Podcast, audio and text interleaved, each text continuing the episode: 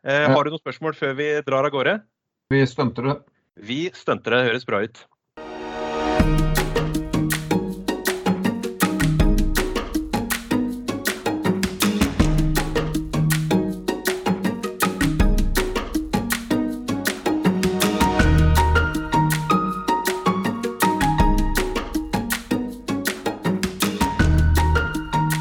Eh, Ove, skulle vi fortsatt eh, politikerpraten vår, eller?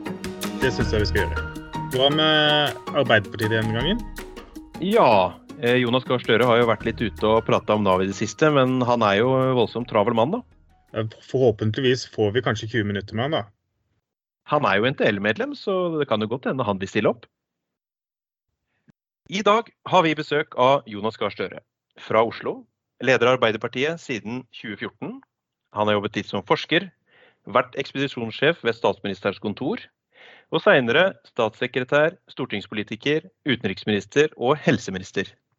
Andre meritter inkluderer at han er utdanna statsviter, fenrik i marinen, forfatter og isbader. Velkommen til oss, Jonas Gahr Støre. Tusen takk for det. Første spørsmål til deg. Hvorfor blei du politiker? Ja, det er jo et spørsmål som innbyr til sjelegranskning. Jeg, jeg, pleier å si at uh, ofte er det jo en veldig konkret grunn til at man engasjerer seg. jeg, jeg Forleden dag så sykla jeg gjennom byen og over en bro over Ring 3 i Oslo, som er til skolen jeg gikk til uh, da jeg gikk på ungdomsskole. og Det var min første kampsak politisk, egentlig. Det var at vi skulle slippe å gå over et gangfelt på en trafikkert ringvei uh, for ungdomsskoleelever. Så vi kjempa for en gangbro. Den kom etter min tid. men mange går inn i politikken for at det er et eller annet som er konkret i nærmiljøet, som skoleveien, som du engasjerer deg i. Så det er nå en ting jeg har vært engasjert i, at der hvor jeg mener vi kan gjøre forandringer og forbedringer, der må vi eh, engasjere oss.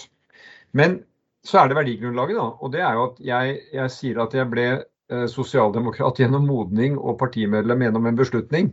Jeg ble ikke medlem av Arbeiderpartiet før jeg var 35, men jeg tror, jeg tror det er det tankegodset som har formet Norge et land med små forskjeller og like muligheter. Jeg oppdaget vel for alvor det da jeg så landet mitt utenfra. Da jeg studerte i utlandet og så en del som jeg tok for gitt. At det overhodet ikke var bare noe som ble slik av seg selv.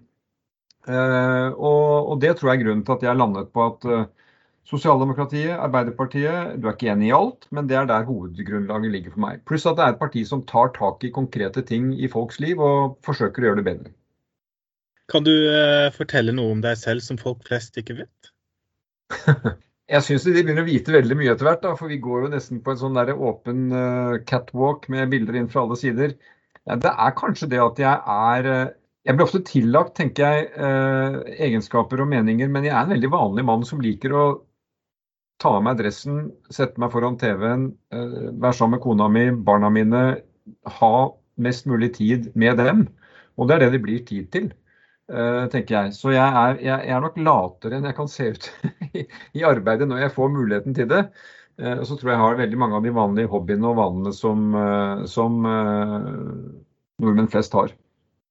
Det med isbading er noe nytt, egentlig. da. Det å bade i kalde bad det likte jeg ikke før. Men jeg tror med noe med alderen så tror jeg at kroppen tåler det bedre. Så det er, det er, nå, blitt, det blitt slik.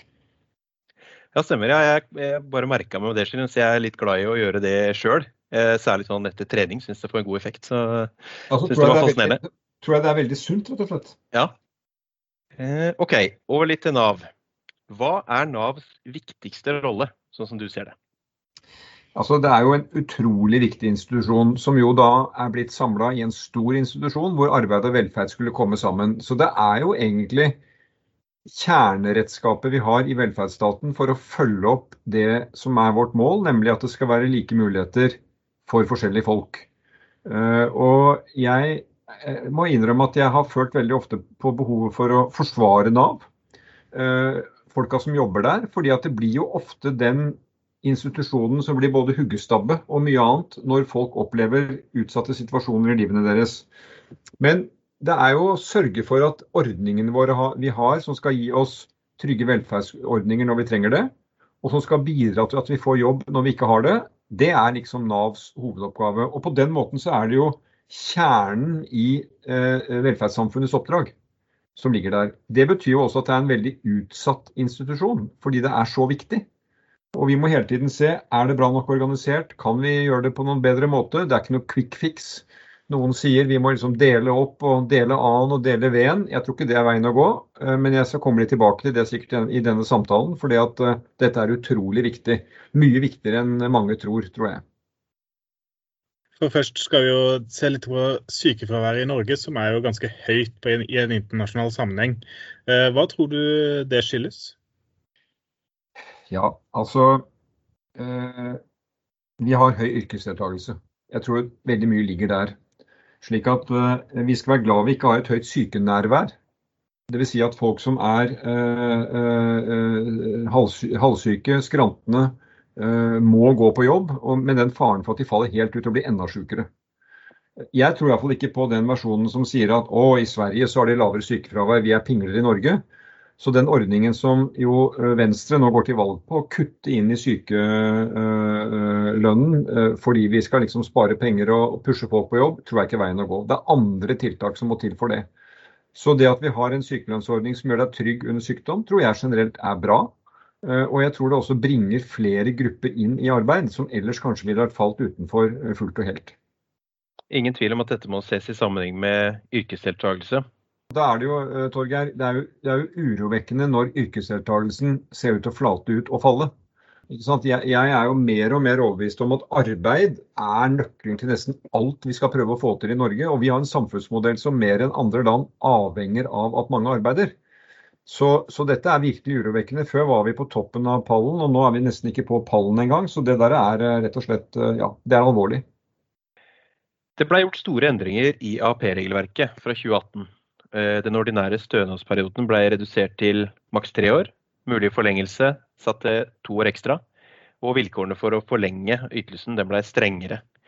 Er AAP-regelverket sånn som det er i dag, sånn som det bør være etter ditt syn? Nei, det er ikke det. Eh, de reformene som er kommet der, de har ikke vært uh, treffende, mener jeg. Uh, Altfor mange blir nå uh, pushet ut i en situasjon uten at de er avklart denne karanteneopplegget uh, før du kan vurderes på ny, uh, har iallfall jeg møtt mange nå i ulike grupperinger som sier at det gjør dem veldig sårbare. Målet er jo å bruke dette regelverket og de ordningene til at du, du får en avklaring, kommer deg tilbake i jobb under best mulige omstendigheter. Og det må vi rett og slett inn og se på på nytt for å få det til å funke sånn som det skal. Vi ønsker jo også å ha et fokus på arbeidsledighet i disse episodene, når hvor vi intervjuer dere politikere. Eh, for arbeidsledighet er jo et stadig aktuelt tema. Eh, hva mener Arbeiderpartiet er de mest effektive grepene for å hjelpe folk tilbake i jobb, og hva tror du fungerer best? Det er et stort og viktig spørsmål. La meg si det sånn, eh, nå har vi over 200 000 ikke sant? Eh, i litt ulike kategorier. Punkt 1. Håpet er jo at når samfunnet blir mer normalt, så vil mange av de permitterte komme tilbake i jobb. Da får vi det tallet et stykke ned. Så vet vi fra forskning at om alt ble mer normalt, så kommer ikke alle tilbake. Vi risikerer å miste noen på veien som rett og slett har falt utenfor fordi de har vært for lenge på utsiden, har ikke kvalifikasjonen i orden. Så det å bruke tiden bedre når du er permittert ledig, til at du kan eh, plusse på kompetansen din, få ferdig et fagbrev, få formalisert ting som kan hjelpe deg, det er viktig. Og så mener jeg at det spørsmålet du nå reiser, det, det, det løfter jo uh, tematikk som uh, etter- og videreutdanning, kompetanse i stort i samfunnet vårt. Men la oss nå være litt mer presise. Jeg tror, og jeg har tatt til orde for nå i de siste uh, ukene, at for, å, siden vi nå snakker om Nav, jeg tror vi må ha flere ansatte i Nav. Ikke for å løse arbeidsledighetsproblemet, men for å ha flere som kan være mer aktiv oppfølging av de vi ønsker å få inn. Uh, de årene som er nå med flate kutt, hvor dere har altså bruker omtrent like mye på å drifte som å yte, så, så er det veldig mye av det vi ser funker når Nav-ansatte er der ute, oppsøker, kan være eh, oppfølgende, det er begrenset. Jeg merket meg at Steinar Holden, som jo er professor i økonomi, og de pleier jo sjelden å ta til orde for at du skal ansette flere i offentlig sektor, han sa det i en samtale med, med vår stortingsgruppe, at han mente at det trengtes flere til den innsatsen. Så det er viktig. Og så er det siste poenget er jo at vi mener vi trenger en mer aktiv næringspolitikk. Eh, som altså kan legge til rette for, stille krav, stille, eh, stille opp med, med, krav om ringvirkninger for de næringsaktørene som, som, skaper, som får lov til å utvikle norske naturressurser osv. Så, videre. så det må gjøres på flere, på flere hold. Og i bunn ligger også dette med å ha et seriøst arbeidsliv. Jeg tror det er også noe veldig viktig for politikken. Eh, mindre deltid, mindre innleie, mer trygghet for 15-16-åringen som kan vite at etter at de har tatt fagutdanning, så får jeg lærlingetid, og så kommer jeg i et arbeid hvor det er en hel fast stilling med lønn å leve av. Du var litt innom det at Nav har jo hatt kutt, flate kutt de siste årene. Og disse er jo blitt erstattet av midlertidige ressurser og øremerkede midler. Eh, hvordan tror du at dette har påvirket Navs tjenester? Det er jo sånn som, holdt jeg på å si, nesten sånn som med Nav og FHI. ikke sant? Folkehelseinstituttet. Vært kjørt hardt, vært kuttet. Så kommer krisa, og da må du bare lempe på. Nav, eh, la oss la denne EØS-trygdesaken ligge akkurat nå, men dette med dagpenger da, som skulle utbetales i hui og hast i fjor vår, eh, så er det klart at frustrasjonen folk opplevde når de ikke fikk de dagpengene, den vendte seg jo da ofte mot Nav, men det er jo fullt og helt et politisk ansvar. Det var jo ikke de Nav-ansatte som jo i mange, omgang, mange, mange tilfeller jobbet ekstremt mye. Jeg mener jo at Nav-ansatte har vært i frontlinjen, på linje med helsefagarbeidere og andre som har stått der i denne tiden. Så her må vi legge et løp. Det er jo slik for disse, disse, jobbene at du kan på en måte aldri få nok. Det er som i helsevesenet, ikke sant. Så et sted må du sette et tak. Eh, men jeg mener altså at uh, her må vi gå gjennom dette på ny, se hva oppgavene er. og De tilbakemeldingene jeg får, er at Vanskelig møte med Nav er ofte når du er på distanse, nettløsninger, jeg skjønner ikke hva som skjer på den andre siden. De positive møtene er når jeg møter et menneske som kan følge meg opp personlig. Vel, da må vi ha nok mennesker. Ja, og når vi er inne på nok mennesker, så er det sånn at Navs driftsbudsjett er på 13 milliarder kroner. Vi har et tiltaksbudsjett på 10. Eh, det betyr i praksis at i Nav så kan man ikke drive så tett oppfølging sjøl, men man kjøper tettere oppfølging og tiltak fra andre aktører. Og min påstand er jo det at det er vanskelig å hjelpe folk i arbeid på en effektiv måte når man ikke kontrollerer verktøykassa mer uh, sjøl, da. Så hvordan skal vi finne annen i Nav, gitt disse rammene? Altså lykkes bedre med arbeidsdelen av uh, samfunnsoppdraget? Nei, det er et veldig viktig spørsmål. Jeg, jeg tenker jo at hele det temaet om at du må kjøpe tjenester fra utsiden, bruke mye penger på det, satt opp mot det at du utvikler kompetanse eh, innomhus, Eh, det er spørsmål som, som, gjør seg veldig mange steder i samfunnet vårt. Eh, og at det er for mye av ganske dyr innkjøpt tjenester utenfra som, som, gjør at kompetansen som skal sitte i en organisasjon som Nav, ikke blir godt nok utviklet. Så det er å ta tak i annen og sørge for at uh, du har en verktøykasse som du kontrollerer. Jeg tror veldig mye går tapt på veien når du må ut og kjøpe tjenester utenfra for å gjøre det. Og Vi har sett eksempler i helt andre sektorer. La meg bare ta et eksempel som er utenfor det, det dere jobber med nå. men Vi har nå en jernbanesektor som er splittet opp i unevnelig mange selskaper som skal konkurrere med hverandre. Jeg besøkte Oslo Sporveier her 1. mai. Der er alle tjenestene organisert i sporveiene. Der er de som reparerer, de som kjører trikken, de som vasker trikken, de jobber i samme selskap. Er det ineffektivt? Nei, det er altså den mest effektive bytrikken i Europa målt opp mot de kriteriene for å kjøre mye eh, og, og ha regularitet. Så det å ha intern kompetanse, det mener jeg er et veldig viktig tema vi må ta tak i eh, når vi skal organisere også offentlig sektor. En annen eh, ting knytta til organisering av Nav, det er jo at Nav-kontorene de drives i partnerskap mellom staten og den enkelte kommune. Hva syns du om den modellen å organisere kontorene på? Nei, det er eh, spørsmål ikke jeg vil ta stilling til sånn helt presist. Om det skal være sånn eller slik. Det viktige er jo at det er et godt samspill med den kommunale tjenesten. Fordi uh, jeg, tenker ofte at det er viktig at ikke den enkelte som har behov for hjelp, skal føle at nå er jeg i statens domene, nå er jeg i kommunens domene, nå faller jeg mellom stoler. At ikke det skjer i helsetjenesten. At det er mellom kommunehelsetjenesten, primærhelsetjeneste og så over i sykehussektoren. At det betyr at jeg merker en forandring. Du skal jo helst få en helhetlig hjelp. Ofte vil jo en del av det Nav gjør for å følge opp et menneske som har behov for hjelp, måtte skje i samspill med tjenester som også er i kommunen.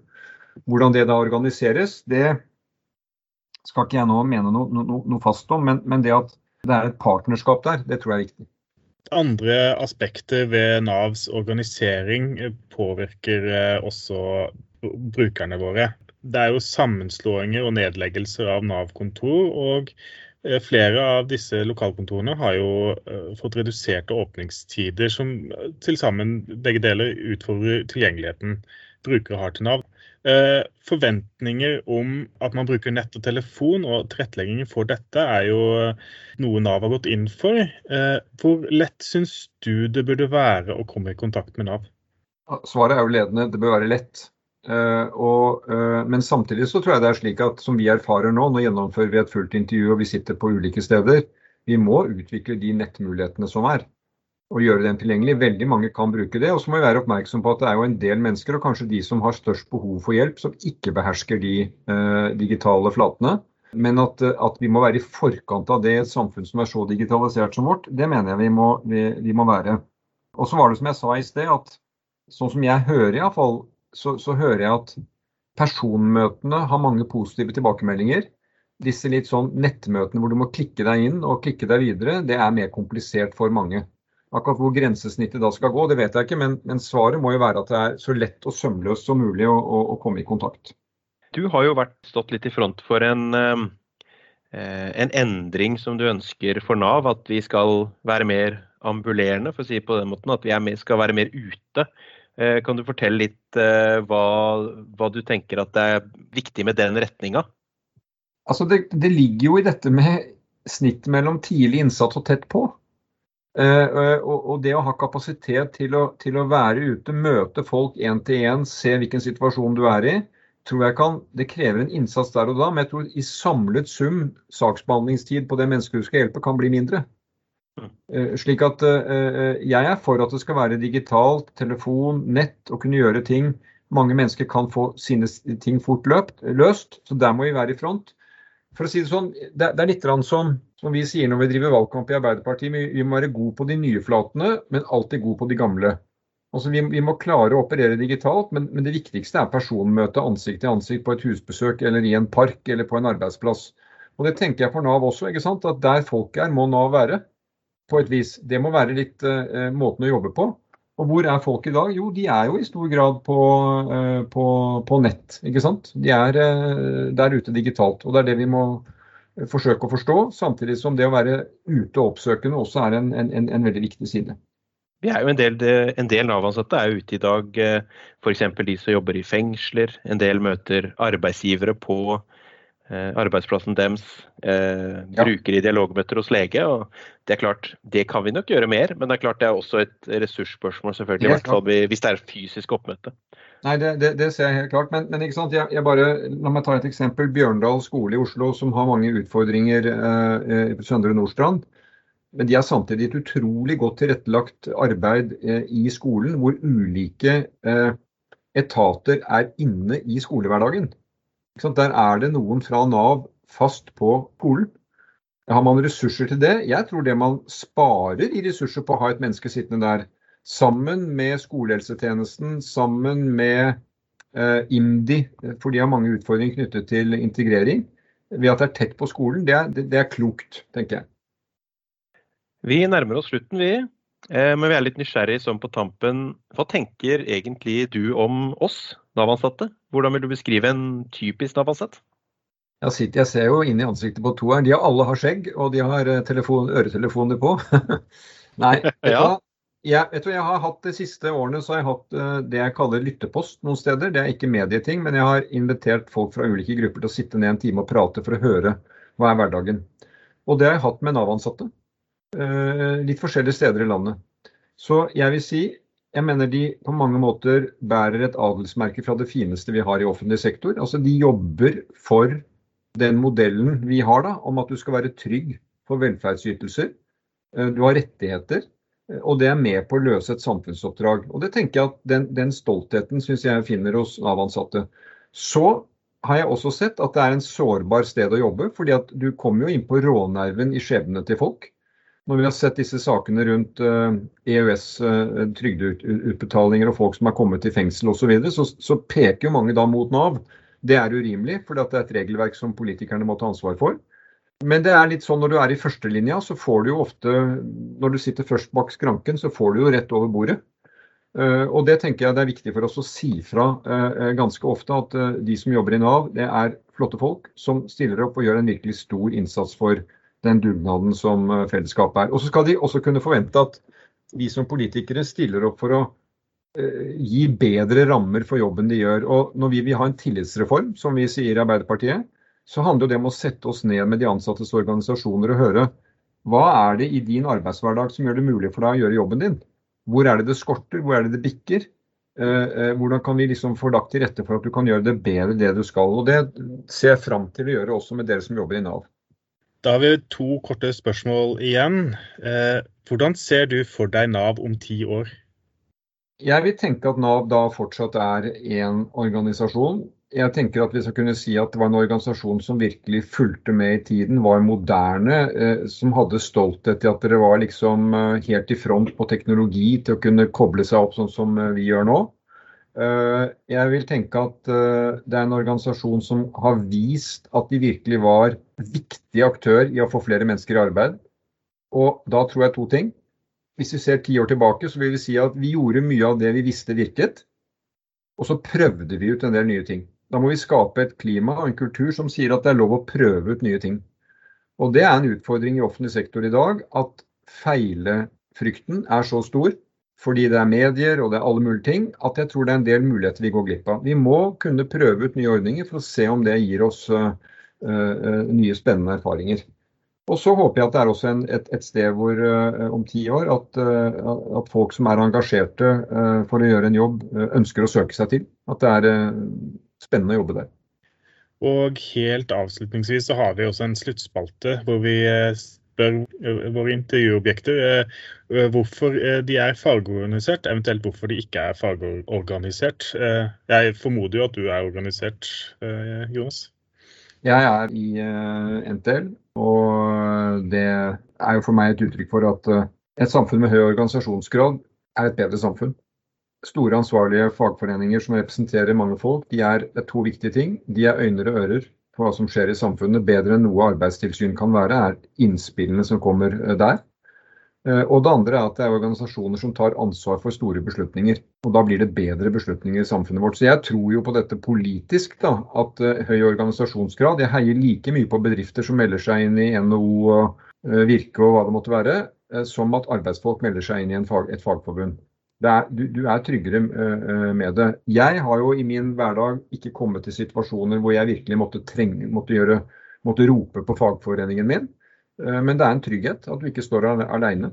Uh, vi løser oppgavene sterkere sammen. Det er oppsummer, Og så oppsummerer det selvfølgelig arbeiderbevegelsens ideologi. Da, at en, et organisert samfunn, et faglig politisk samarbeid, i dette tilfellet mellom Arbeiderpartiet og, og LO, og egentlig veldig tett bånd med alle parter i arbeidslivet, det, tror vi gir et bedre, bedre, et bedre samfunn.